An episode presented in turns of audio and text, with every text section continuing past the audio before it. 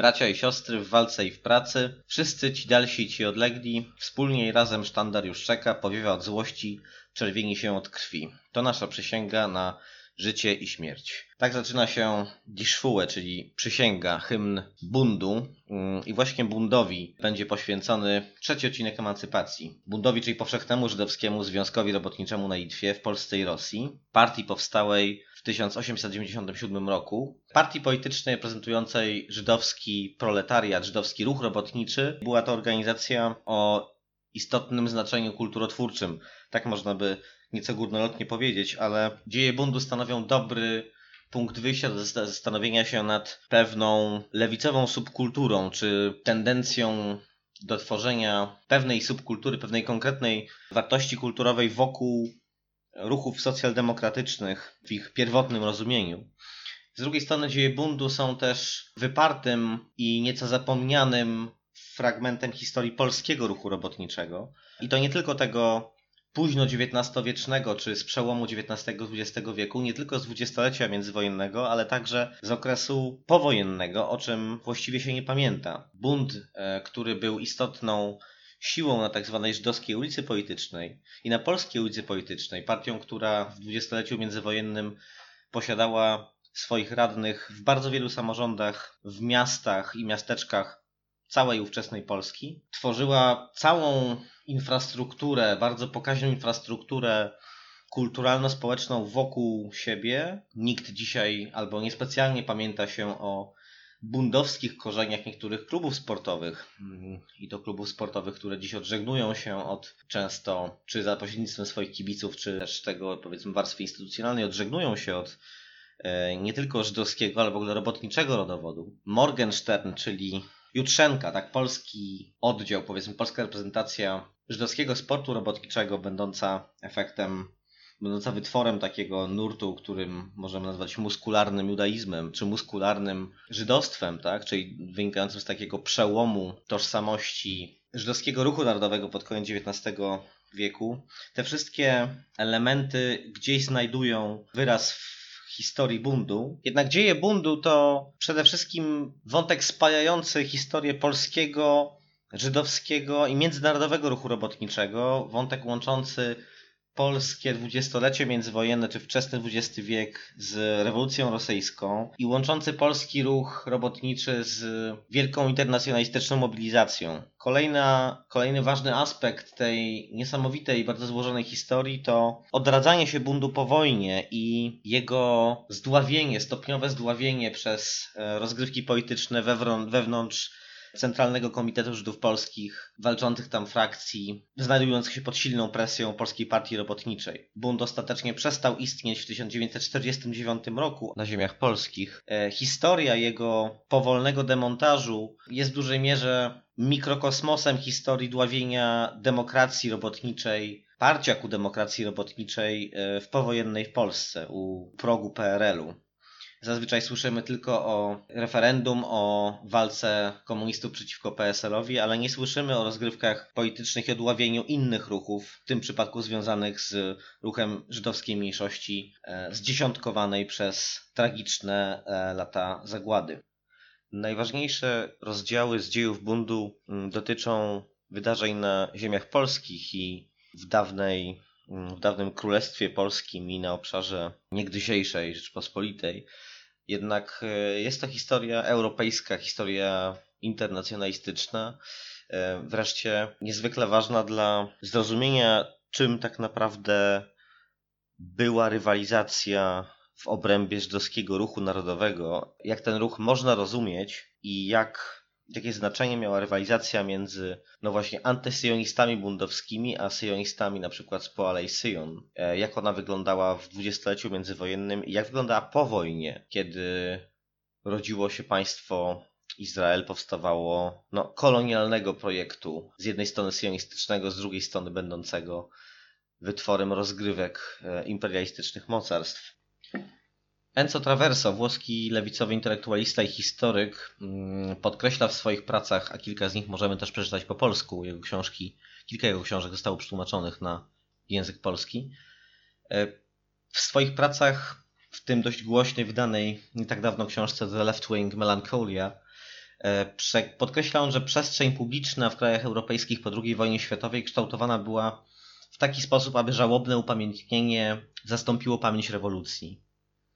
E, w sposób szczególny sprawa ta splotła się z politycznym wymiarem zagłady europejskich Żydów, bowiem upadek komunizmu przypieczętował proces rugowania owej rewolucyjnej pamięci, choć system radziecki sam w sobie należy rozpatrywać raczej jako czynnik współkształtujący ową operację niż występujący wyraźnie przeciwko niej. Rewolucyjna historia to coś, co niewygodne jest na wielu poziomach dzisiejszej oficjalnej historiografii czasu liber, liberalno-demokratycznego pokoju. Tak uprośćmy tę kwestię. E, kiedy mówi się o lewicy żydowskiej, o lewicowych organizacjach żydowskich, no to niechybnie, podobnie jak w ogóle w przypadku historii Żydów, e, niechybnie musi pojawić się wątek zagłady.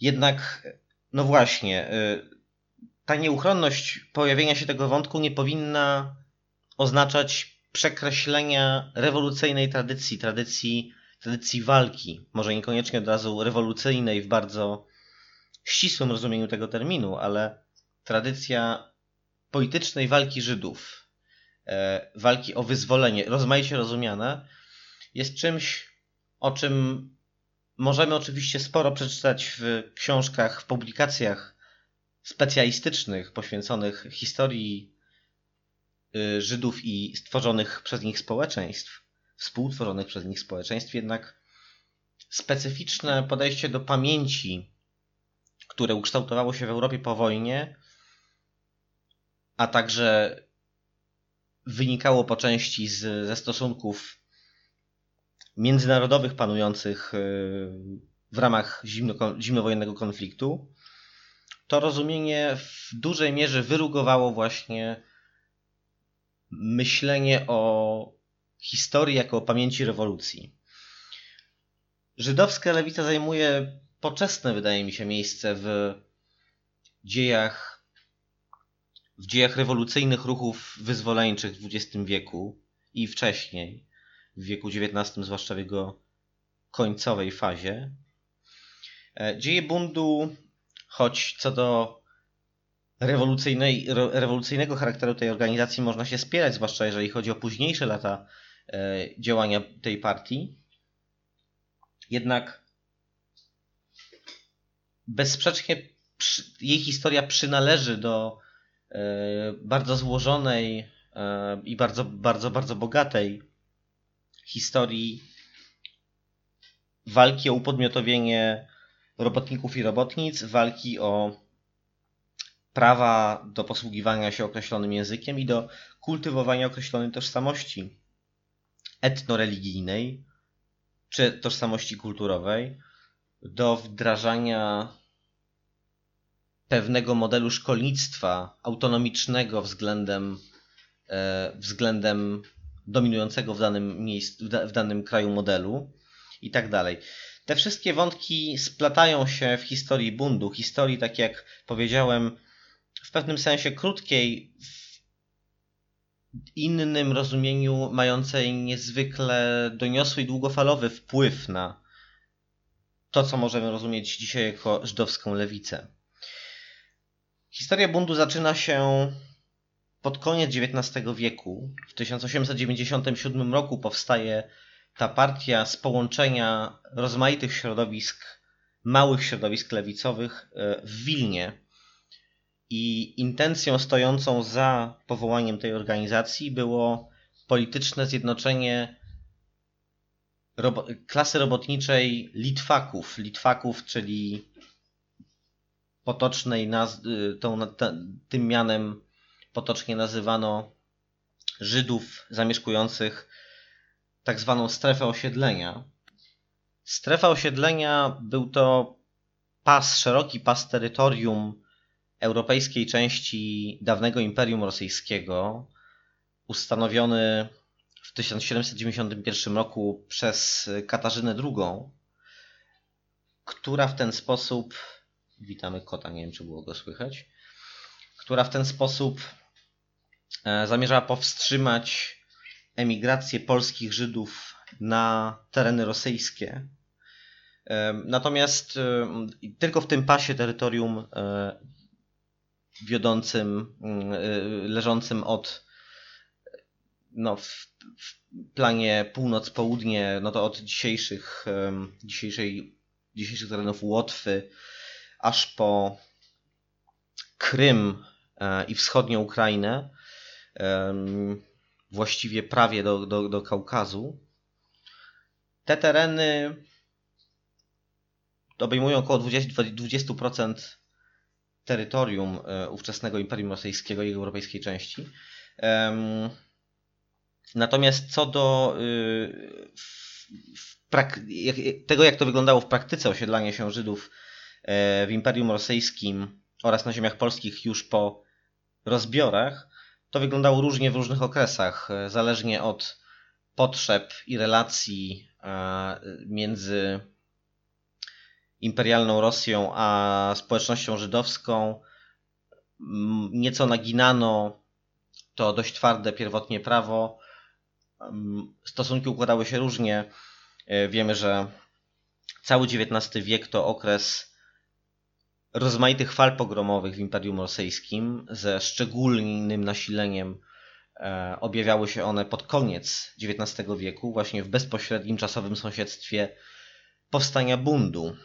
Bundu, który powstał jako partia silnie represjonowanej, biednej mniejszości, mniejszości narodowej, mniejszości etnoreligijnej, jaką byli Żydzi w ówczesnej Rosji.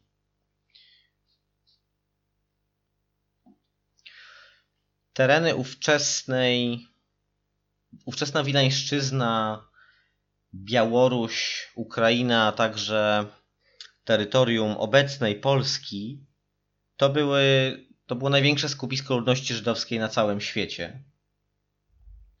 E, a w związku ludności, która była poddawana rozmaitym represjom o charakterze no po prostu przemocy fizycznej, ale też przemocy ekonomicznej, e, była traktowana bardzo koniunkturalnie, ale sama była też rozdzierana bardzo głębokimi sprzecznościami, głębokimi nierównościami. W większości była to jednak ludność niezwykle biedna.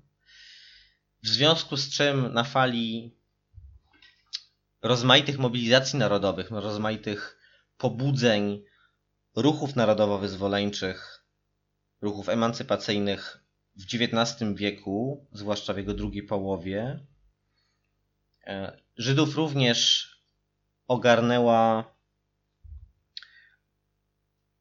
refleksja na temat tego, jak powinna wyglądać przyszłość ich społeczności, czy powinna ona tworzyć własne państwo, czy też powinna przystosowywać się do warunków zastanych w miejscu jej osiedlenia, e, w miejscu jej zamieszkania, ponieważ ruch robotniczy w Imperium Rosyjskim zawiązywał się, instytucjonalizował się w formie nielegalnych najczęściej organizacji właśnie pod koniec XIX wieku, nieuchronnie społeczność żydowska musiała wejść w jakieś interakcje z tymi ruchami emancypacyjnymi, co oznaczało ostatecznie, że już w 1898 roku, a więc rok po założeniu, Bund stał się składową socjaldemokratycznej partii robotniczej Rosji.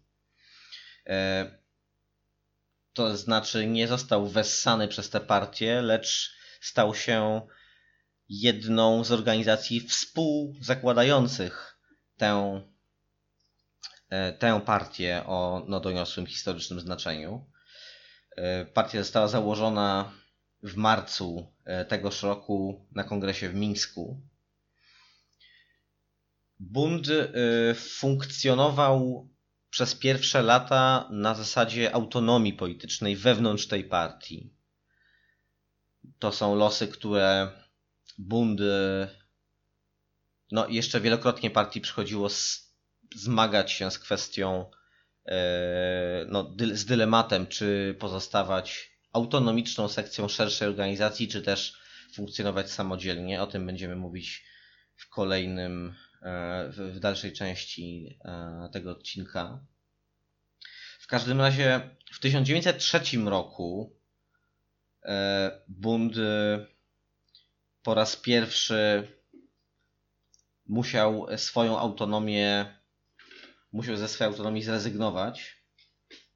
Odnoszę wrażenie, że względnie często spotykaną interpretacją jest taka, według której w 1903 roku podczas kongresu socjalistycznej, socjaldemokratycznej e, partii Rosji w Brukseli, w Londynie e,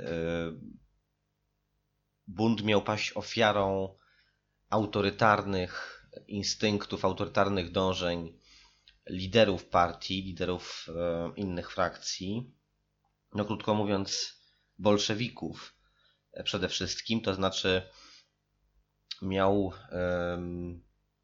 jego autonomia miała być zakwestionowana w ramach dążenia na przykład Włodzimierza Lenina do e, ustanowienia kontroli nad całą partią i dążenia do jej unifikacji. Jeżeli przyjrzymy się sprawie nieco dokładniej, to według mnie jest wprost przeciwnie, to znaczy nie można Leninowi w tym okresie zarzucać e, takiej postawy względem bundu przynajmniej, jeżeli zajrzymy do takiego tekstu opublikowanego przez niego w Iskrze w 1903 roku, e, dotyczącego właśnie pozycji bundu w łonie partii,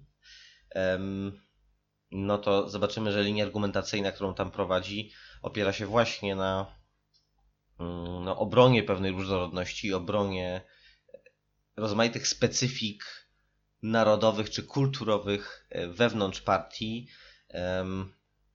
i to, co, to, co poddaje Lenin krytyce w tym artykule, to jest właśnie e, bundowskie dążenie do e, posługiwania się, czy do, bundowskie posługiwanie się tytułem jedynego głosu żydowskiej klasy robotniczej, powstałego z, ze wspólnego wysiłku, czy z połączenia rozmaitych żydowskich organizacji robotniczych.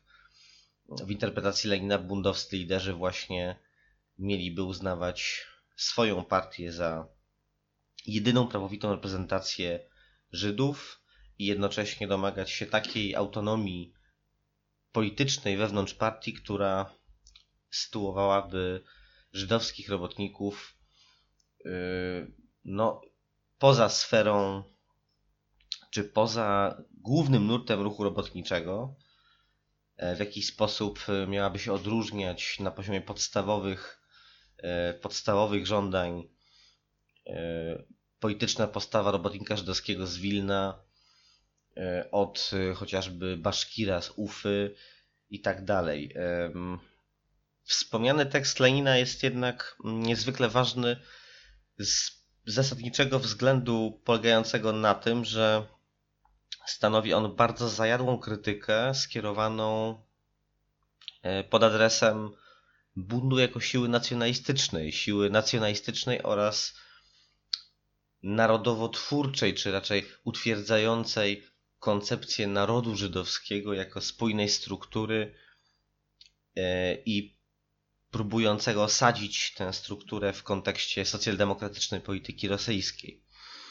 E, Lenin zdecydowanie się przeciwstawia uznawaniu Żydów za naród, i wysuwa tam argument, że żydowski nacjonalizm nawet w tej socjaldemokratycznej wersji prezentowanej przez bunt, takiej autonomicznej, stawiającej na tę autonomię narodowo-kulturalną e, i domagającej się uznania e, tego e, takiego statusu przez socjaldemokratyczną partię jako całość. Lenin uważa, że taka polityka jest on nie nazywa jej chyba tam bezpośrednio reakcyjną. E, na pewno e, w jasny sposób e, odnosi się właśnie jako do reakcyjnego ruchu tam do syjonizmu. No i wysuwa taką paralelę, która zresztą wydaje się no nie, nie bezzasadna i kluczowa dla zrozumienia przyszłych losów Rosji, przepraszam, żydowskiej polityki lewicowej, czyli mm, politycznej teorii syjonizmu i politycznej teorii autonomii narodowo-kulturalnej, kojarzonej przede wszystkim z antysyjonizmem i rzeczywiście co do zasady będącej antysyjonistyczną. Tylko, że mm, sama koncepcja narodu żydowskiego leżąca u podstaw obydwu tych teorii mm, dla Lenina jest koncepcją sprzeczną z interesami żydowskiego proletariatu. Z dzisiejszej, z, patrząc na tę sprawę dzisiaj, moglibyśmy dopatrywać się z jednej strony e, elementów szowinistycznych takiej interpretacji Lenina, z drugiej strony należy pamiętać, e, że specyfika kulturowa, czy autonomia kulturowa, czy tożsamość kulturowa po prostu żydowskiego proletariatu w tamtym okresie po pierwsze nie była czymś jednorodnym. Eee, Lenin zwraca uwagę tam na no, głębokie różnice między żydowskim proletariatem, czy Żydami w ogóle żyjącymi we Francji i w Niemczech, czy, czy w Polsce. Eee, z drugiej strony autonomia narodowo-kulturalna mogła być postrzegana jako element konserwujący w jakimś sensie żydowskie zacofanie, tak? E, żydowską no, żydowską, zatrzymującą żydowską kulturę w tych gettach biedy miast e, Imperium Rosyjskiego na przykład. Ja myślę, że z jednej strony bunt był przez Lenina postrzegany wtedy jako e, no, taka niepożądana siła odśrodkowa wchodząca w konflikt poprzez swoje żądania z większością partii socjaldemokratycznej. Z drugiej strony e, stanowisko Lenina wobec buntu było bardzo zmienne na przestrzeni lat. E, I myślę, że sprowadzanie buntu do roli siły nacjonalistycznej, która no, działała wyłącznie na poziomie, e, działała wyłącznie jako, jakby to powiedzieć, czynnik separatystyczny, czy separujący żydowski proletariat od szerszego ruchu, jest absolutnym błędem. E, a twierdzę tak dlatego, że to, co mnie. Twierdzę tak dlatego, że szczególnie istotny wydaje mi się rola właśnie, że tak powiem, kulturowej obudowy działalności partyjnej bundu, która nie jest niczym specyficznym, niczym specjalnym na tle działań podejmowanych przez inne wielkie partie robotnicze w początkach XX wieku. Jednak infrastruktura kulturalna wykształcona przez bunt, infrastruktura kulturalno-społeczna, miała, mm, była wyraźnym potwierdzeniem tego, że koncepcja autonomii narodowo-kulturalnej nie jest koncepcją szowinistyczną, nie jest koncepcją po prostu nacjonalistyczną, jeśli tak mogę powiedzieć, e, i posiada cechy, które bardzo wyraźnie odróżniają ją od nacjonalizmów e, etnocentrycznych czy etnoreligijnie centrycznych. Odnoszę wrażenie, że jeśli spojrzymy na ten etap dziejów bundu i ten konflikt z Leninem, jak na. Znaczy, jeżeli spojrzymy na niego z perspektywy dzisiejszej, gdy partie polityczne z jednej strony kojarzą nam się no, głównie z tak naprawdę modelem działalności partii politycznej, do którego przyzwyczaił nas, do którego przyzwyczaiła nas liberalna demokracja, model burżuazyjny, to tak, to może wyglądać na próbę represjonowania w 1903 roku bundu jako organizacji. To może również wyglądać w ten sposób, jeśli przełożymy do ówczesnej rzeczywistości standardy dzisiejsze w zakresie politycznego znaczenia wielokulturowości, takiej zinstytucjonalizowanej wielokulturowości. Na dzisiejsze standardy mogłoby to wyglądać na znaczy polityka Lenina mogłaby wyglądać na e, politykę represji na tle kulturowym właśnie. Pamiętajmy jednak o tym, że mówimy o okresie bardzo silnych tarć i walk frakcyjnych wewnątrz partii rewolucyjnej w bardzo gorącym okresie. Bunt ponownie połączył się z rosyjską socjaldemokracją w 1906 roku, e, kiedy potrzeba zjednoczenia sił lewicy rewolucyjnej stawała się paląca, To było po wydarzeniach rewolucji 1905 roku, w których bunt odegrał istotną rolę na terenie Imperium Rosyjskiego.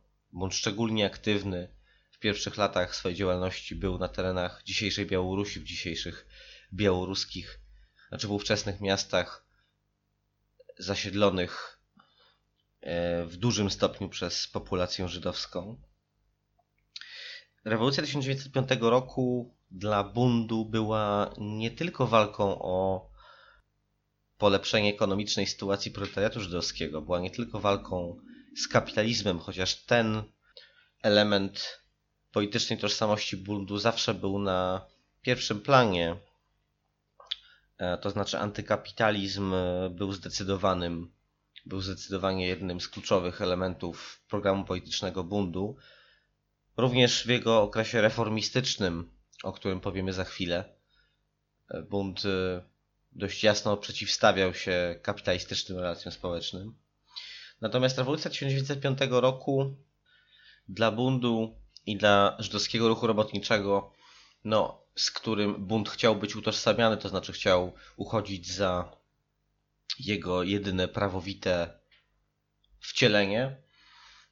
Dla żydowskich robotników, dla żydowskiego ruchu robotniczego, rewolucja ta była nie tylko walką o ekonomiczne, o lepsze ekonomiczne położenie żydowskich mas i była nie tylko walką o demokratyzację, była nie tylko walką z kapitalizmem, e, lecz również walką przeciwko fali pogromowej, przeciwko długotrwałym represjom, e, długotrwałej przemocy antyżydowskiej, która od końca XIX wieku, właściwie od drugiej połowy XIX wieku nasilała się w Rosji, powodując, zmuszając masy żydowskie do emigracji w różnych kierunkach um, i stanowiła no, bezpośrednie zagrożenie życia dla tysięcy Żydów w całej strefie osiedlenia i nie tylko.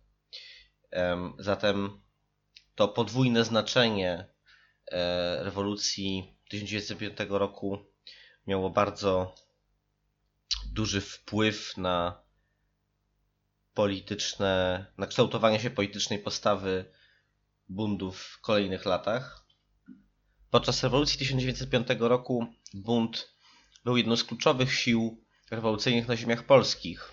Miał ogromny wpływ na e, powstanie fali strajkowej obejmującej e, największe ośrodki robotnicze, gdzie żydowscy robotnicy stanowili no ważną siłę ekonomiczną.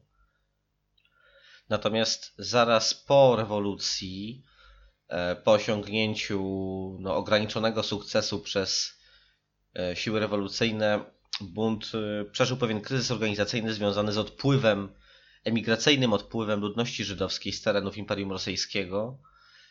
Mm, jednym z, jednym z, jedną z przyczyn tego mm, stanu rzeczy był był wzrost nastrojów antysemickich, spowodowany wzrost przemocy Czarnej Sotni, na przykład tak, organizacji skrajnie reakcyjnej, organizacji skrajnie konserwatywnej i religijnej, e, o niezwykle zaciekłym antysemityzmie jako jednym z kluczowych elementów swojej polityki.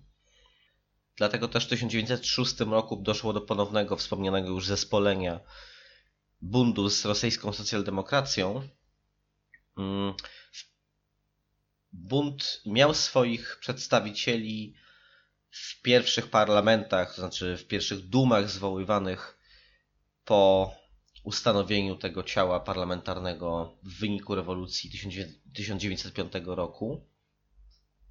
Jego przedstawicielami tam zresztą byli nie tylko sami bundyści, nie tylko sami członkowie partii, ale kandydaci popierani przez tę partię. Jednak skala przemocy antysemickiej w rewolucji 1905 roku i bezpośrednio po tej rewolucji pokazały jasno, że polityka bundu jako dążąca do zapewnienia mu trwałej pozycji autonomicznej względem innych odłamów czy innych nurtów socjaldemokracji no, nie ma szans przetrwania właśnie w sytuacji rewolucyjnego wrzenia, w której kontrrewolucja również no, podnosi łeb i ten łeb ma często charakter antysemicki. Nasilanie się antysemityzmu oraz fala pogromowa we wspomnianym okresie prowadziły do powstawania taktycznych sojuszy między Bundem, Poalej, Poalej Syjonistami i innymi syjonistycznymi ugrupowaniami. Poalej Syjon, czyli robotnicy Syjonu, to główny rywal polityczny bundu w środowisku żydowskim. Partia syjonistyczna o lewicowym charakterze, która w różnych okresach funkcjonowała jako jednolita, w miarę jednolita siła lub siła podzielona na frakcję lewicową i prawicową, jedną o bardziej marksistowskim charakterze, drugą o charakterze mniej radykalny, nielewicowym. Więc zjednoczenie ruchu robotniczego żydowskiego miało miejsce w tym okresie właśnie w związku z nasilającym się antysemityzmem, jednak, jednak już wkrótce bunt był zmuszony do, do przeorientowania swojej polityki i poświęcenia głównej, poświęcenia gro swojej energii na działalność organizacyjną na płaszczyźnie społeczno-kulturalnej mm, poza głównym nurtem walki rewolucyjnej, bowiem e, okazywał się on e, właściwie niezdolny do odgrywania e, bardzo istotnej roli w kolejnych wypadkach rewolucyjnych i zależał bardzo mocno od swych potężniejszych partnerów w ruchu lewicowym. W 1914 roku wraz z wybuchem I wojny światowej działalność bundu jako partii międzynarodowej e, zaczęła być, zaczęła być mocno utrudniona. Bunt miał już wtedy reprezentację w bardzo wielu krajach.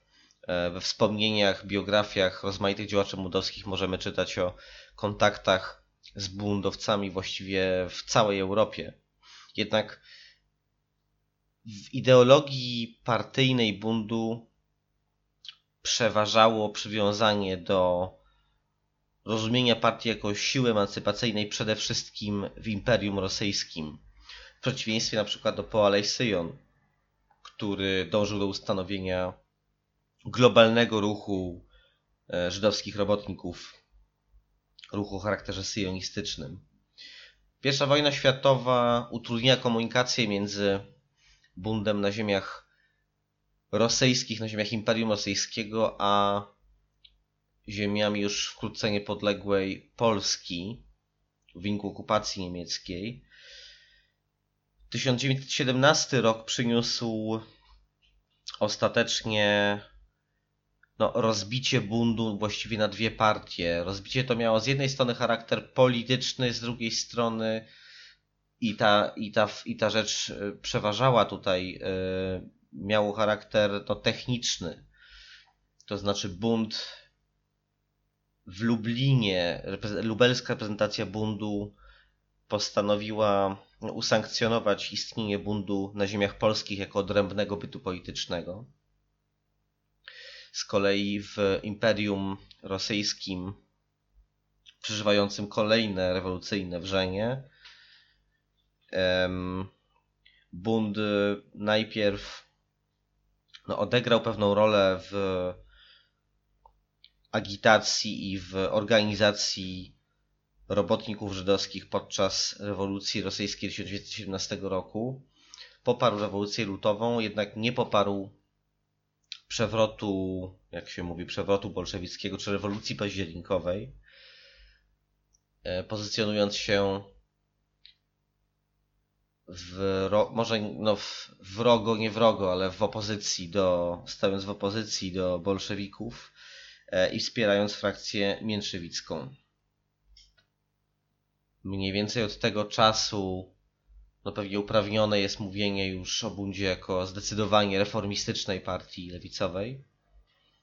Podobnie zresztą jak w przypadku polskim, gdzie e, no tak jakby zawirowania historyczne popchnęły bunt do dość konsekwentn, konsekwentnie realizowanego, jednak trudnego e, sojuszu z Polską Partią Socjalistyczną. Sojuszu niełatwego i przy uważnym przyjrzeniu się tej sprawie e, wyglądającego znacznie w znacznie bardziej, bardziej skomplikowany sposób niż by chcieli to mm, apologeci PPS-u z tamtych czasów, to znaczy z dwudziestolecia międzywojennego. To nie było tak, że PPS był, mm, jakby to powiedzieć, dobrym kuzynem bundu, otaczającym go e, bezkrytycznie opieką. Mm, natomiast PPS e, rzeczywiście nie był siłą antysemicką, był partią programowo przeciwstawiającą się e, antysemityzmowi narastającemu wówczas w Polsce, narastającemu w wyniku zagrożenia ze strony e, endeckich bojówek i no, generalnego wzrostu nastrojów antyżydowskich w polskim społeczeństwie. W społeczeństwie kraju będącego centrum żydowskiego życia kulturalnego, e, będącego centrum po prostu żydowskiej kultury w ówczesnym świecie. Jeszcze w 1910 roku powstaje Zukunft, czyli przyszłość w języku jidysz, e, organizacja młodzieżowa uważana za młodzieżówkę bundu i rzeczywiście w tej roli występująca przez wiele lat, chociaż okresowo pozostająca nawet w ostrym konflikcie z Bundem e, jako partią, możemy również na temat no, innych e, wizji politycznych czytać e, w prasie konspiracyjnej Zukunftu z, z okresu getta warszawskiego. To tutaj przedrobię duży przeskok historyczny, natomiast napięcie dotyczące również historii ruchu lewicowego żydowskiego i jego zadań mm, w tych strasznych e, latach okupacji i zagłady bywa wyraźnie zaznaczone w polemikach działaczy Zukunftu i Bundu. Jednak e, Zukunft, podobnie jak SKIF, czyli organizację uczniowską, dziecięcą, należy rozumieć jako składowe no, bundyzmu. Tak, bundyzm według mnie należałoby rozumieć nie tylko jako, no na pewno nie jako doktrynę polityczną, raczej jako pewien model działania czy pewną ideologię o niezwykle silnym, niezwykle znaczącym komponencie kulturalnym. Trzeba pamiętać, że bundowcy rozwinęli e, niezwykle rozbudowaną teorię i praktykę dotyczącą organizacji życia kulturalnego, dotyczącą pedagogiki żydowskiej, dotyczącą ruchów emancypacyjnych różnych grup społecznych. Silny był bardzo ruch kobiecy w bundzie, e, silny był ruch dążący do upodmiotowienia e, mas żydowskich e, w sztetlach, w mniejszych miejscowościach, i na wsi żydowskiej także. Jednak zanim powiemy szerzej o tej działalności bundu na płaszczyźnie kulturalnej i o tym właśnie kulturowym wymiarze bundyzmu, trzeba wspomnieć jeszcze o e, istotnym, brzemiennym skutkach rozłamie mm, w polskim bundzie w 1922 roku, właściwie w 1921 należałoby szukać początków tego rozłamu. Wówczas doszło do pęknięcia na tle ideologicznym i na tle strategicznym, e, w wyniku którego powstał komunistyczny bunt, Kombund. Organizacja, do której według badaczy przystąpiło mm, łącznie około 25% członków bundu na terenie ówczesnej Polski. W Łodzi na przykład miało do kombundu wstąpić mniej więcej połowa, połowa mm, działaczy i e, bunt uzyskał tam bardzo duże wpływy w związkach zawodowych. Przejął także lokalną partyjną gazetę. Prasa bundu była niezwykle istotnym, w ogóle prasa socjalistyczna była w tamtym czasie niezwykle istotnym nośnikiem wiedzy i niezwykle istotnym narzędziem agitacyjnym, jak wiadomo. Te instrumenty zostały przejęte przez łódzki kombund. Genezą powstania kombundu były walki frakcyjne w łonie nie tylko żydowskiego ruchu robotniczego, ale też różne postawy względem rewolucji 1917 roku, które wśród e, rewolucjonistów z ówczesnego z terenów upadającego imperium się przejawiały.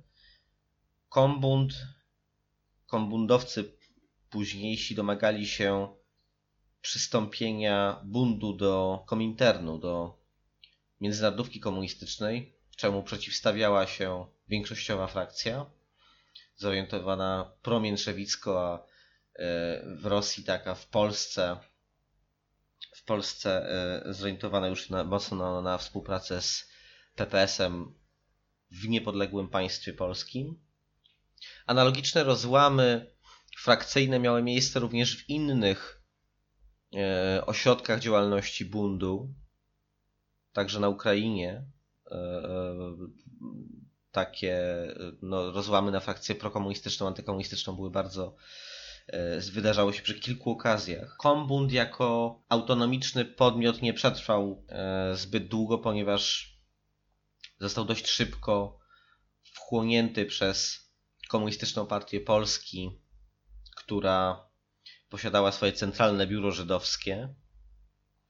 Dość ciekawie o tych wypadkach, ale też w ogóle o bundzie, o swoich doświadczeniach z bundem, znaczeniu bundu na ówczesnej żydowskiej ulicy, o tak zwanych giełdach, czyli no, tej takiej ulicznej agitacji prowadzonej przez organizacje polityczne oraz związki zawodowe e, na terenie żydowskich dzielnic, pisze nieżyjący już od wielu lat Hersch Mendel w swojej autobiografii e, Memoir of a Jewish Revolutionary, nie wydanej po polsku.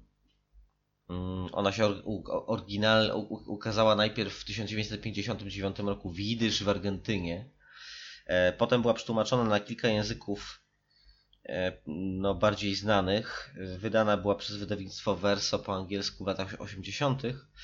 E, Mendel to jest dość ciekawa postać, pomimo tego, że ta biografia, autobiografia według mnie pełna jest konfabulacji, uproszczeń, a może i też wytworów zawodnej pamięci, to Mendel bardzo barwnie opisuje swoje polityczne losy, losy człowieka, który zaliczył no, niejedną polityczną woltę, niejedną z, zmianę ideologicznego kierunku, e, ale też był bardzo bacznym obserwatorem politycznego życia właśnie wspomnianej żydowskiej ulicy, a zaczynał swoją przygodę z polityką właśnie jako bundowiec, jako bundysta. Tak trochę wymiennie używam tych określeń, nie przywiązuję szczególnej wagi do poprawności tutaj. E, Mendel pisze o tych relacjach między bundem a komunistami e, w dość ciekawy sposób. Jednocześnie e, on sam, który mm, działał w Komunistycznej Partii Polski, działał w jej y, w strukturach jej żydowskiej reprezentacji, y, to był warszawiak, warszawski Żyd, dla którego pierwszym językiem był jidysz.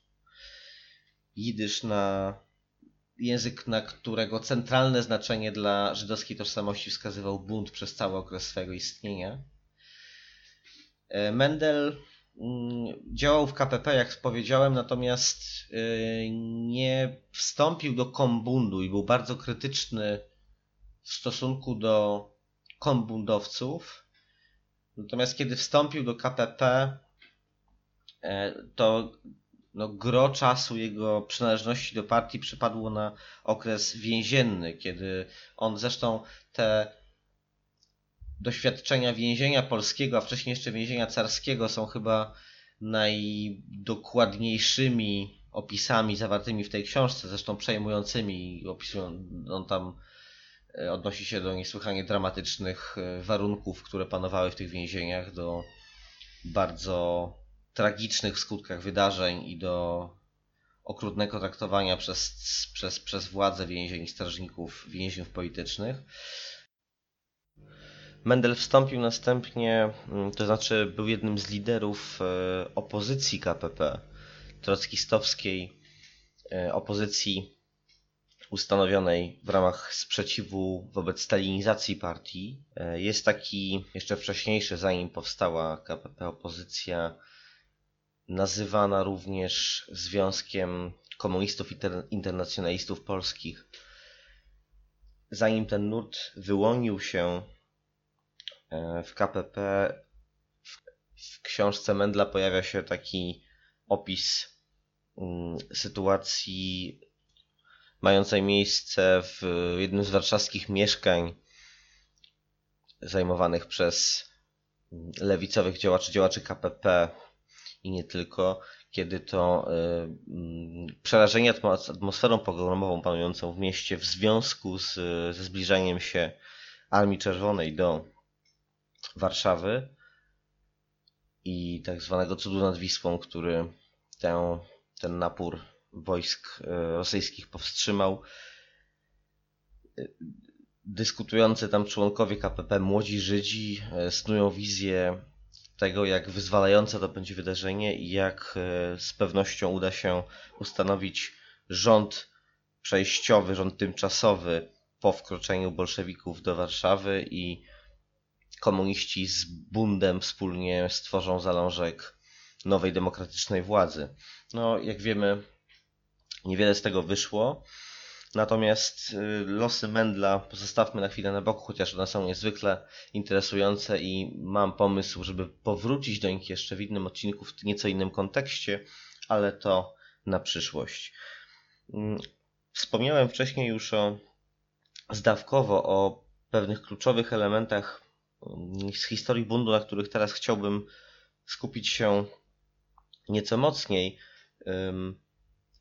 nie widzę potrzeby, żeby opowiadać o losach samej partii z zachowaniem, tutaj tak jak zresztą już mówiłem, z zachowaniem no, bardzo precyzyjnej chronologii wydarzeń, bo to jest materiał, z którym jakby stosunkowo łatwo się zapoznać. Tym, co wydaje mi się bardzo istotne, to podjęcie jakiejś refleksji nad e, autonomią narodowo-kulturalną Żydów, ponieważ to jest e, no, kluczowy element tożsamości politycznej i programu bundu oraz również linia podziału przebiegająca między tą partią żydowską a innymi siłami lewicy żydowskiej i nie tylko żydowskiej.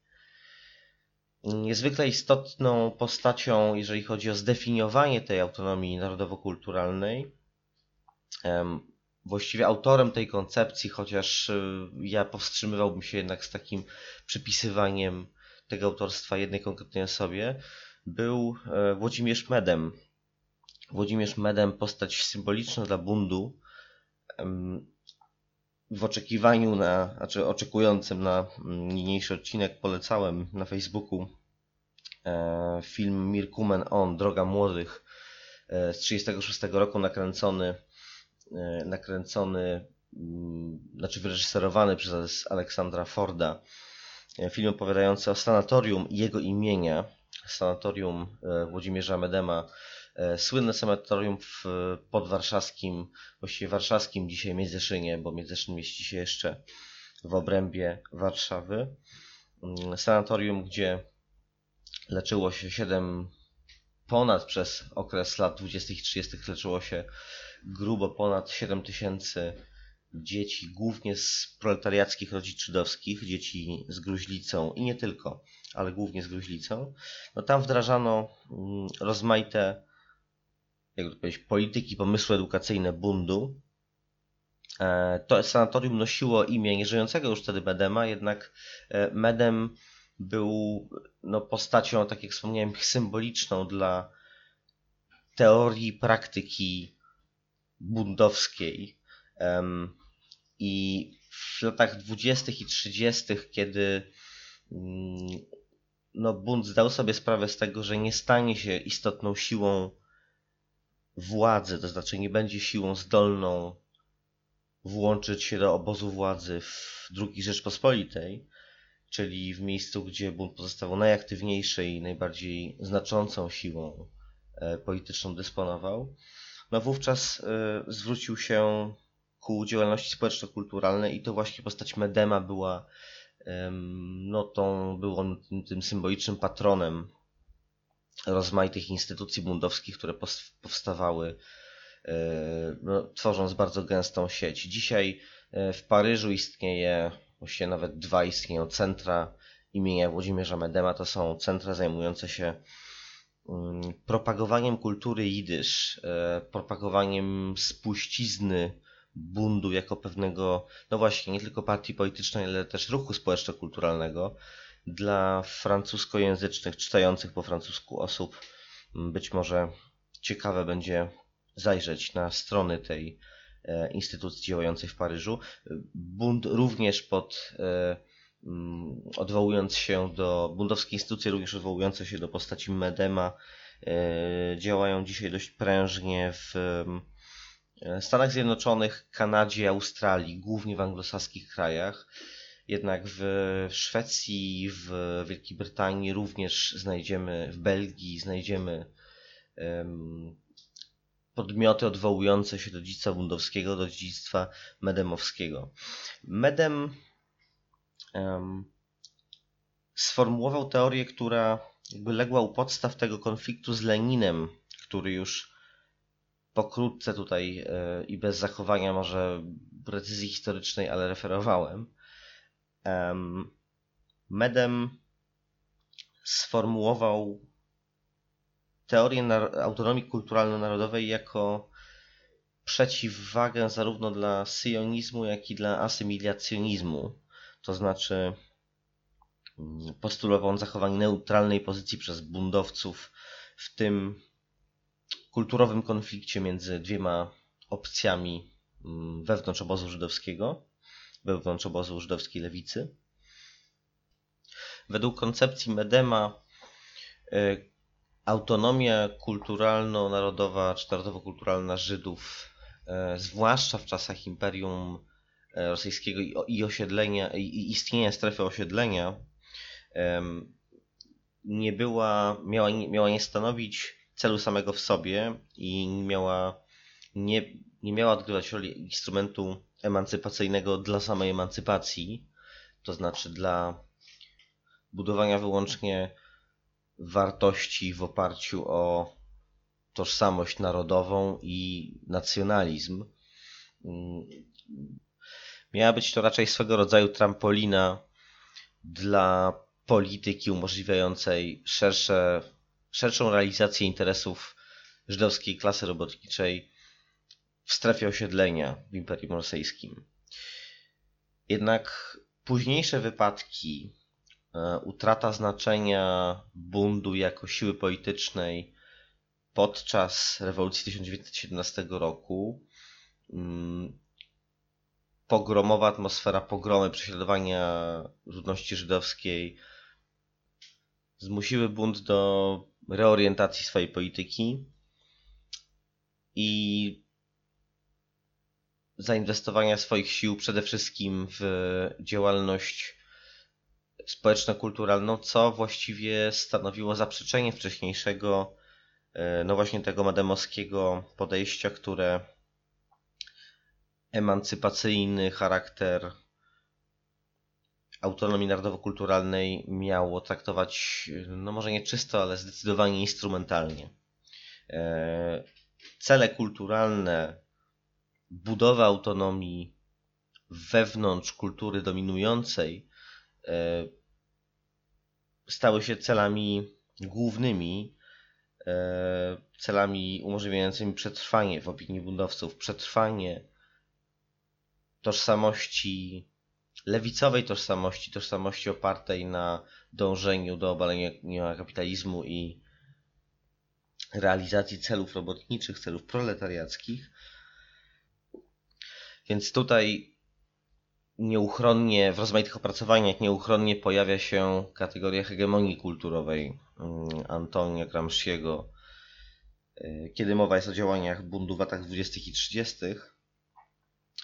Ja y, nie chcę się odwoływać do mm, tej kategorii w tej chwili. Mam pomysł, żeby zrobić też cały odcinek poświęcony właśnie rozumieniu hegemonii kulturowej y, pod wpływem lektury dwóch książek Perego Andersona. Mm, zacząłem myśleć, że może warto byłoby poświęcić nieco więcej uwagi temu zagadnieniu, chociaż ono jest no jednak bardzo teoretyczne i nie opowiada w gruncie rzeczy, albo nie, albo nie opowiada, nie pozwala opowiedzieć ciekawej historii, albo zmusza do opowiedzenia zbyt wielu historii naraz. Zostawmy jednak na chwilę na boku Gramsciego i hegemonię. E, ale tak jak wspomniałem, ten termin pojawia się często również w odniesieniu do działań buntu w latach 20. i 30. Ale schodząc na poziom szczegółu, e, można powiedzieć tak. Bunt w koalicji z PPS-em e, nie, nie był stroną rozdającą karty. Był partią kilkanaście razy mniejszą w latach 30. pod względem liczby członków od swego polskiego koalicjanta. Nie miał monopolu na żydowskiej ulicy, chociaż był siłą w dużej mierze zdecydowanie dominującą w wielu, w wielu sztetlach oraz w wielu dużych miastach, także w dzielnicach żydowskich i podążał drogą wielu socjaldemokratycznych partii europejskich, które no, po momencie zwrotnym, jakim w 1914 roku było poparcie SPD oraz innych sił socjalistycznych w Europie dla imperialistycznych mocarstw toczących ze sobą wojnę, wielką wojnę, pierwszą wojnę światową. No po tym zwrocie wiele partii wcześniej uznających się, opisujących się jako rewolucyjne przeszło na pozycje zdecydowanie reformistyczne. Bunt również, ale no, w przypadku buntu miało to nieco inny wymiar i historia mm, tego zwrotu była e, wynikała powiedzmy z konieczności trochę z pragmatycznego wyboru, ale raczej z konieczności, z konieczności wynikającej z jakby płynącego z wielu stron zagrożenia dla ruchu żydowskiego. Jeśli chodzi o tę, no właśnie, subkulturę, niektórzy nawet używają określenia kontrkulturę lewi, żydowsko-lewicową bundu w latach 30. i 20, 20. i 30., mm, no to powinniśmy wspomnieć o sieci organizacji, z których niektóre e, już wcześniej wymieniłem przede wszystkim wspomniany, wspomniane Skif i Zukunft, tak? Młodzież, odpowiednio uczniowska oraz e, młodzieżowa, młodzieżowe organizacje związane z Bundem i jego obozem. E, CISZO, Centrale i Disze Szul organizacje.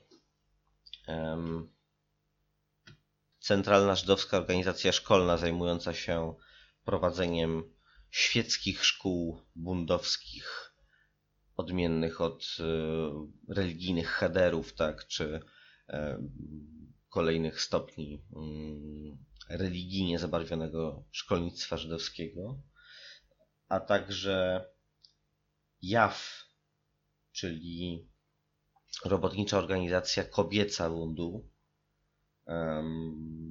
a także Kulturligę, to bardzo ciekawa organizacja zajmująca się przede wszystkim upowszechnianiem języka i kultury jidysz.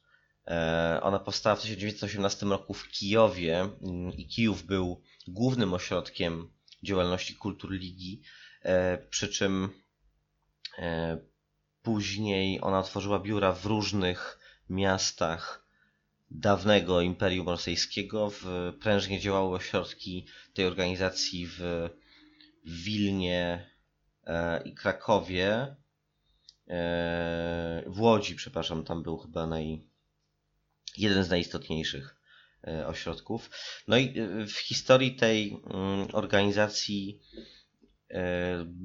istotną rolę odegrało wielu znanych artystów jak chociażby sam El Lisicki, który współorganizował wystawy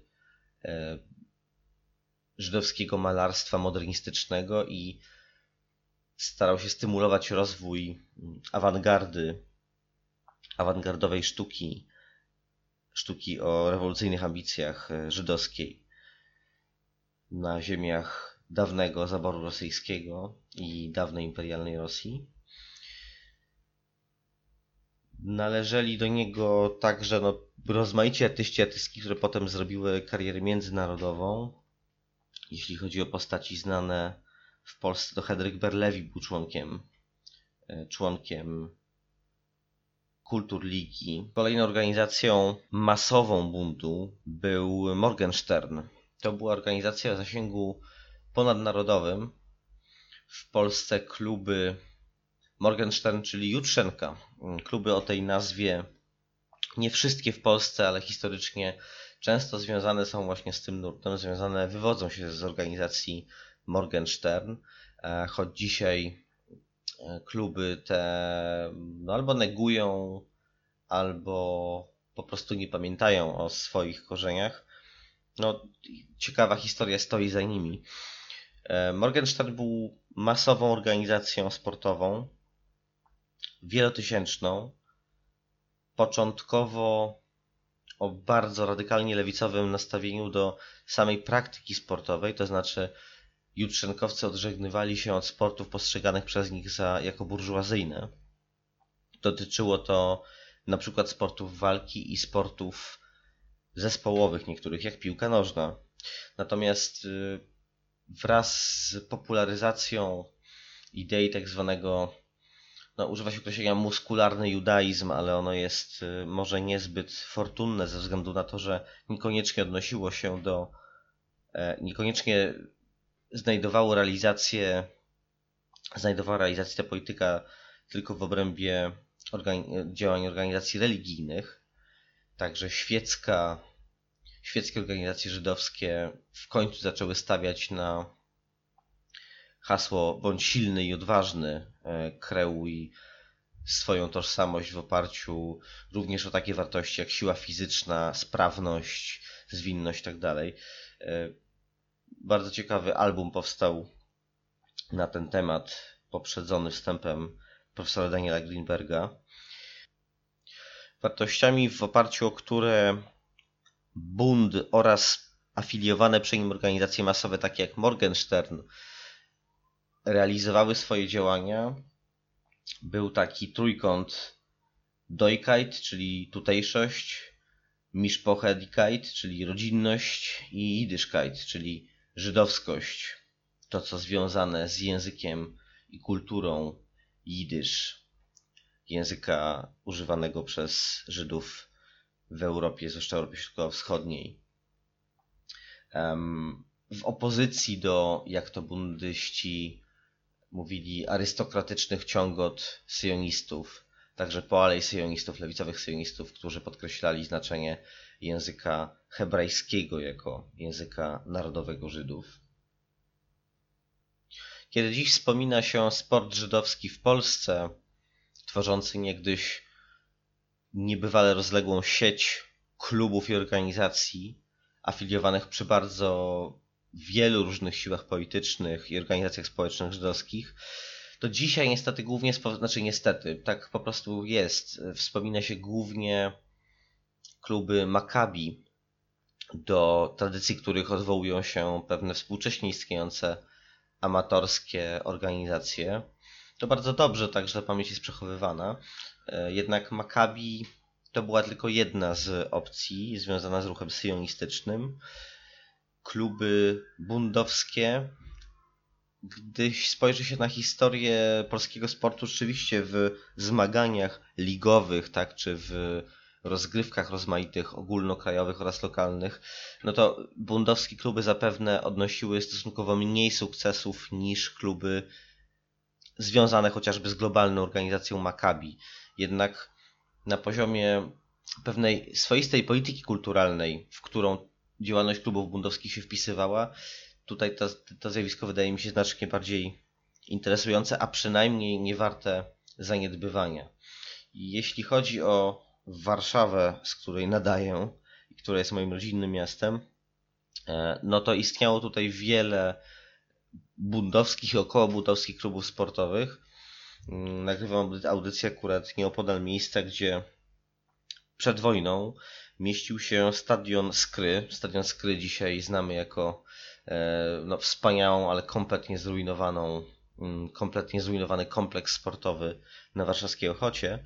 Natomiast pierwotnie stadion Skry, właśnie klubu związanego z Morgensternem, z Jutrzenką, mieścił się przy ulicy Okopowej. Dzisiaj jest tam osiedle e, oraz taki, no powiedzmy element współczesnej infrastruktury rekreacyjnej z jakąś siłownią plenerową i tak dalej. Nie pamięta się o tym, że rzeczywiście tam był stadion przed wojną. Stadion, który, co ciekawe, w czasie wojny i w czasie zagłady e, dożywiał warszawskie getto, to znaczy tam znajdowała się, znajdowało się małe poletko uprawne. Uprawiano tam głównie kapustę, która dożywiała getto. Morgenstern dokonał tego zwrotu, jeśli chodzi o sporty walki e, i piłkę nożną. Z piłką nożną było trochę gorzej, to znaczy mm, ona nigdy nie doczekała się wśród bundowców takiego poważania jak no chociażby boks.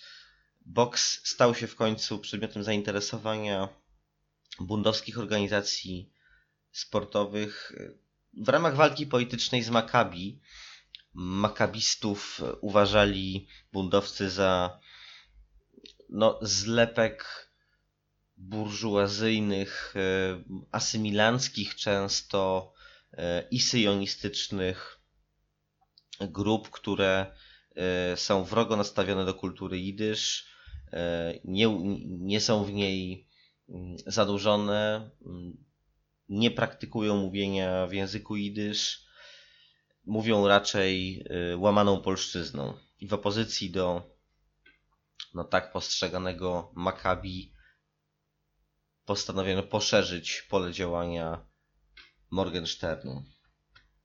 Co ciekawe, w ramach Morgensternu nie powstała osobna sekcja czy komisja do spraw sportu kobiet, co było typowe dla ówczesnych organizacji sportowych Morgenstern argumentował to w sposób następujący. Kobiety odgrywają istotną rolę nie tylko jako zawodniczki naszych klubów, ale także w kadrach kierowniczych, na polu organizacyjnym oraz jako, no, jako działaczki, tak?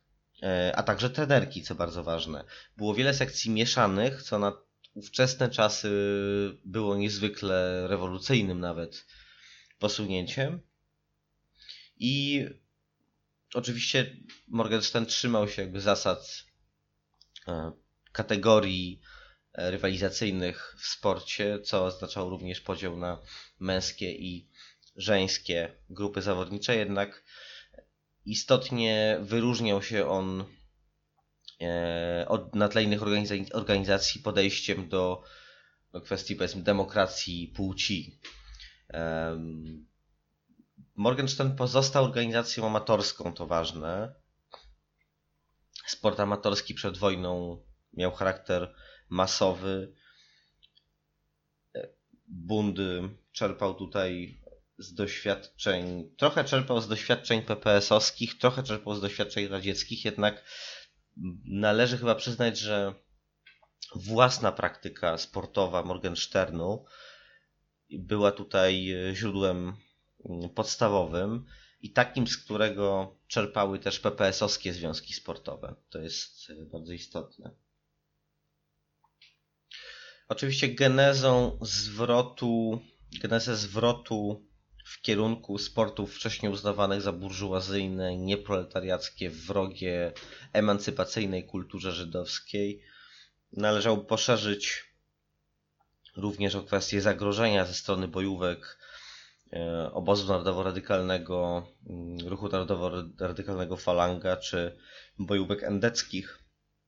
Jednak e, no, wbrew temu, co niektórzy chcieliby sądzić, podstawową, e, podstawowym wymiarem tego zwrotu była właśnie chęć podjęcia skutecznej konkurencji e, z Maccabi i innymi organizacjami sportu żydowskiego związanymi z innymi siłami politycznymi.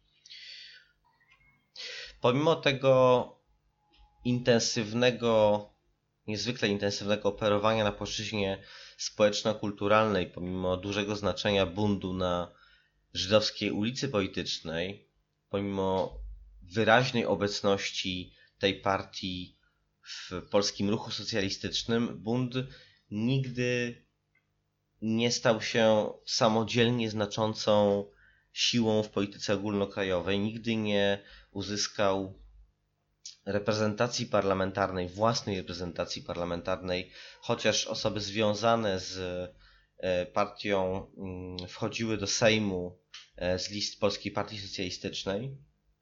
Jednak e, wyniki wyborów samorządowych, ale także parlamentarnych w pewnym sensie pokazywały siłę tej partii.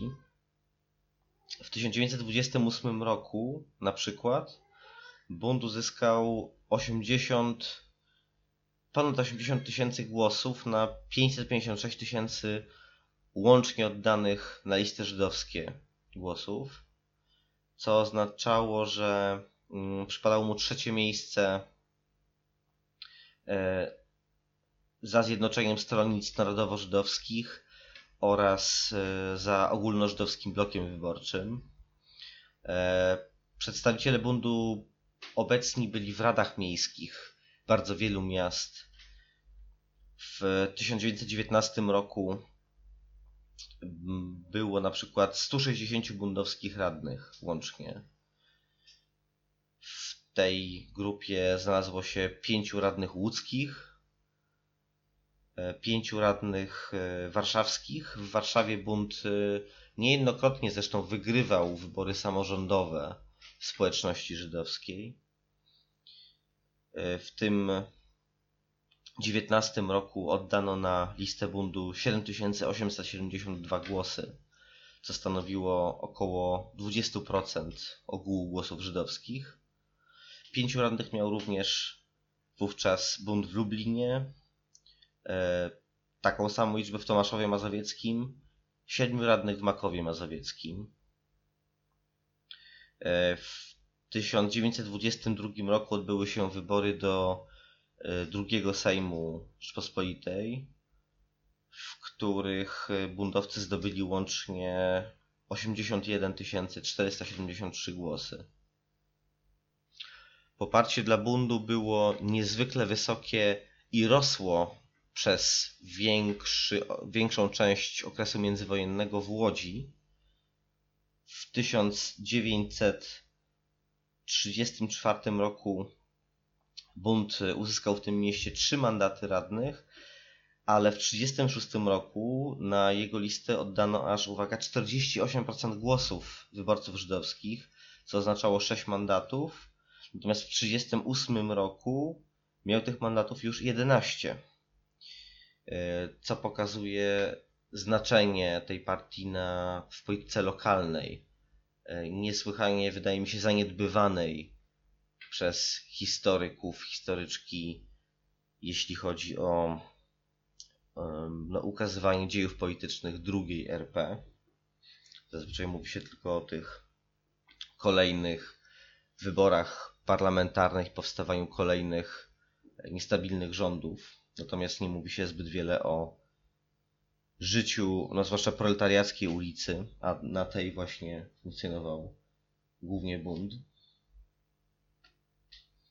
Momentem zwrotnym w dziejach partii była oczywiście II wojna światowa i zagłada Żydów, która mm, zdziesiątkowała partię. Jednak bunt odegrał niezwykle istotną rolę w ruchu oporu, w konspiracji żydowskiej, w gettach i poza nimi, był e, jedną z głównych, e, buntowcy byli jednymi z głównych, znaczy z stanowili jedną z głównych sił politycznych w żydowskiej organizacji bojowej, czyli jednej z dwóch obok żydowskiego związku wojskowego. Organizacji stawiających opór e, niemieckiemu okupantowi podczas powstania w getcie warszawskim. Bundowcy byli na czele bądź odgrywali istotną rolę w grupach oporu i w getcie w Wilnie, w getcie w Częstochowie, e, w getcie w Będzinie, w wielu innych, w getcie w Łodzi. E, konspiracja oznaczała nie tylko walkę z bronią w ręku, ale także realizację tych celów, które zawsze no, były najbardziej zawsze bundowi wychodziły najbardziej imponująco, czyli działalność na płaszczyźnie społeczno-kulturalnej, na płaszczyźnie pomocowej, która oczywiście miała w latach zagłady zupełnie inny charakter niż przed wojną, e, kiedy to realizowana była w czasach pokoju lub względnego pokoju. Tutaj chodziło o przetrwanie zagrożonej fizyczną eliminacją każdego dnia, każdej godziny ludności żydowskiej.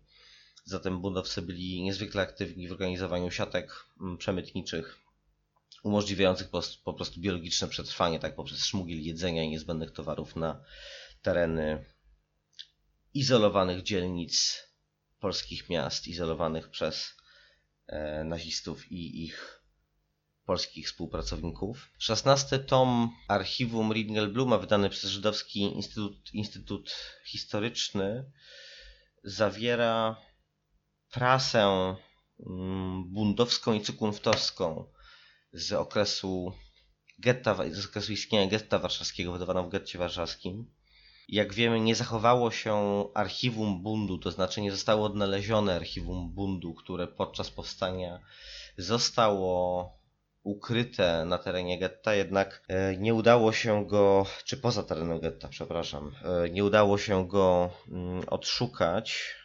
Były prowadzone takie prace na terenie ogrodu Kraśnińskich, natomiast nie udało się odnaleźć tych materiałów, ale w tym wydanym przez Archiwum Engelbluma zbiorze jest e, bardzo szeroki, bardzo bogata kolekcja prasy bundowskiej, kunftowskiej, której lekturę serdecznie polecam. Jest ona E, lekturą bardzo niekiedy wstrząsającą, ale bardzo wiele mówiącą o postawach politycznych tych organizacji w czasie wojny. Nie chcę skupiać się na II wojnie światowej, ponieważ wydaje mi się w historii bundu ten okres to nie jest okresem determinującym całokształt losów tej partii. Bunt o czym się niewiele pamięta i niewiele mówi, odrodził się po wojnie, ponieważ monopol PPR, potem PZPR był monopolem kształtującym się przez kilka lat.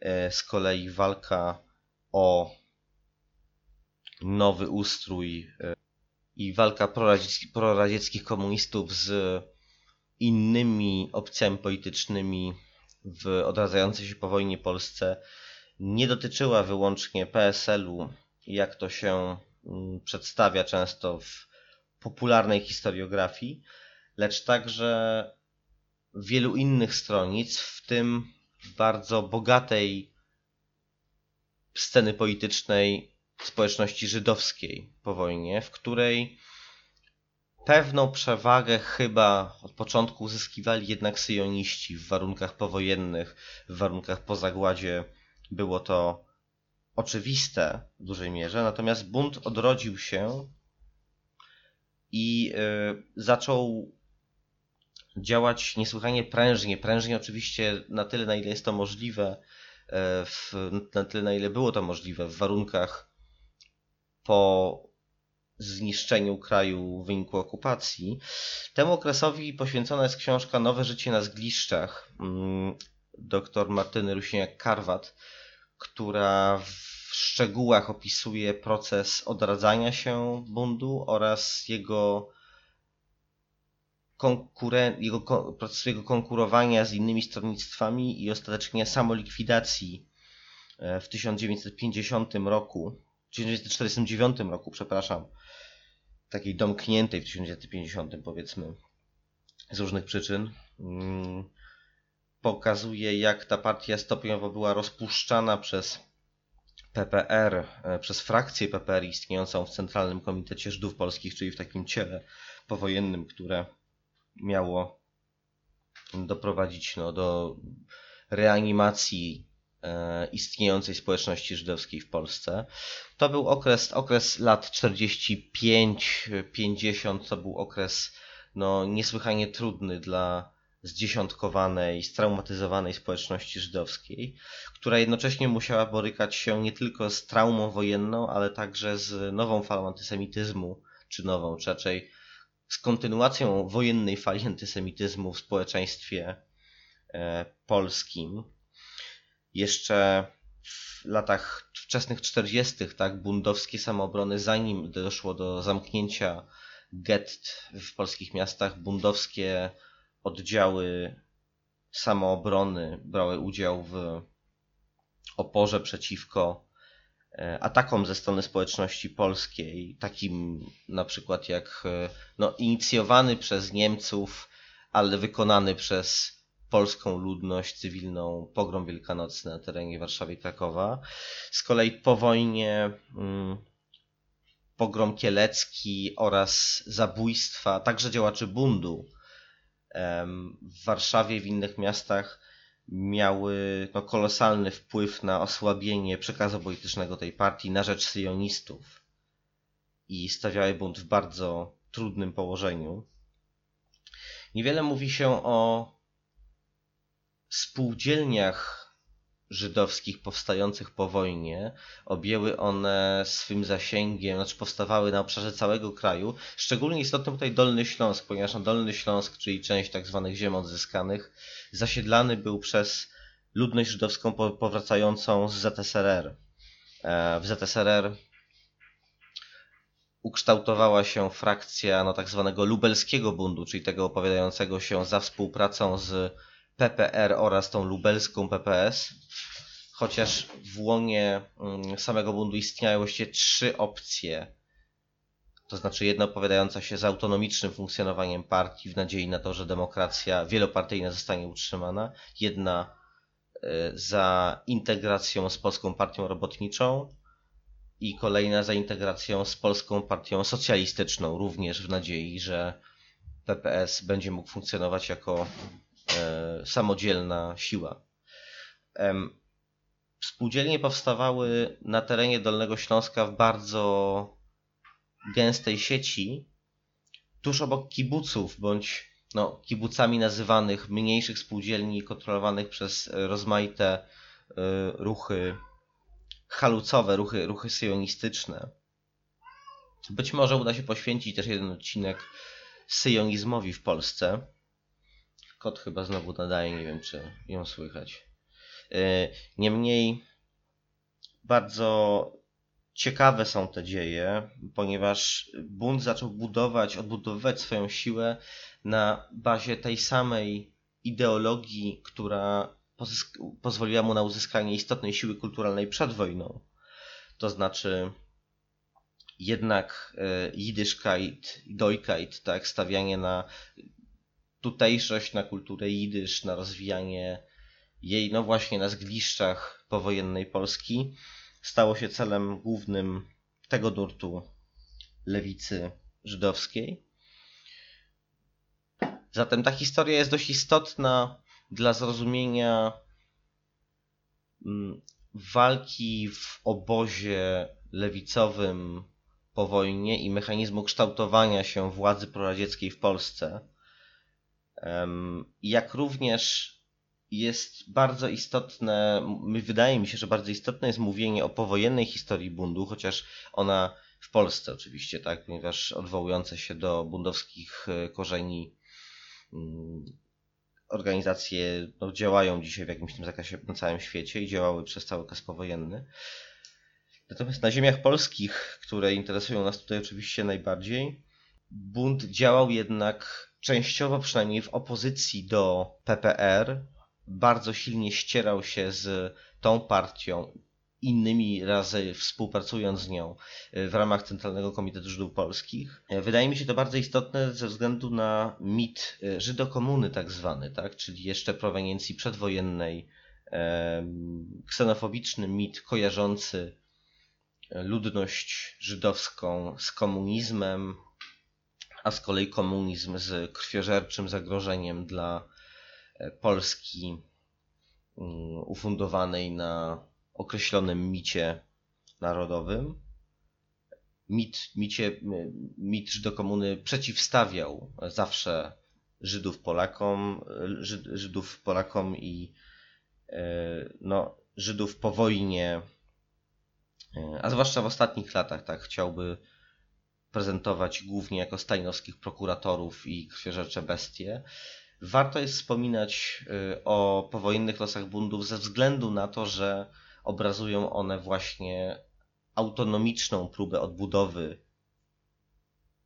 politycznej siły społeczności żydowskiej w opozycji do mm, no, zdominowanego i zasilanego politycznie i finansowo z Moskwy reżimu, kształtującego się wówczas reżimu PRL. E, jednak e, ta opozycja powinna być rozumiana nie w sposób bardzo twardy, e, ponieważ no, takie, taki przekaz wydaje mi się jednak no, przynależeć do tego, do tej bardzo prymitywnej narracji antykomunistycznej. Budowcy byli tymi, którzy postrzegali odbudowę życia żydowskiego w Polsce jako element odbudowy Polski, jako element polityki robotniczej, jako element integrujący, jako zadanie integrujące żydowską klasę robotniczą z polską klasą robotniczą. E, ale właśnie miała to, miała to być polityka klasowa, a nie polityka wyłącznie partyjno-gabinetowa. Dziękuję bardzo. To był trzeci odcinek Emancypacji, w którym mówiliśmy o elementach historii żydowskiej partii robotniczej Bund. W kolejnych odcinkach, które już niebawem, spodziewajcie się też takich krótszych wrzutek niedługo na tematy historyczne, ale odwołujące się do pewnych aktualnych wydarzeń. W kolejnych odcinkach zajmiemy się bardzo różnymi sprawami. W odcinku czwartym mam nadzieję, że uda mi się go bez większych poślizgów czasowych nagrać i opublikować. Zajmiemy się naksalitami, zajmiemy się powstaniem maoistowskim w Indiach. To w związku z no, długim procesem wyborczym w tym kraju, drugim najludniejszym kraju świata, e, o którego historii stosunkowo niewiele wiemy. Naksalici, czyli um, no, zrewoltowana ludność, zazwyczaj z najniższych warstw społeczeństwa indyjskiego, która demonizowana jest w rozmaitych przekazach popkulturowych. E, pod względem politycznym niesłychanie ciekawa i też no, mająca e, zbudowana na wielu sprzecznościach jako ruch polityczny. Jednak wydaje mi się, że warto zająć się tym fenomenem, ponieważ o polityce indyjskiej mówi się u nas bardzo niewiele, a o tym, na czym polega powstanie Naxalitów toczące się już od wielu dziesiątków lat i określone przez byłego premiera Indii jako największe zagrożenie wewnętrzne w tym kraju, to pewnie nie mówi się już w ogóle albo prawie w ogóle. Dzięki i do usłyszenia.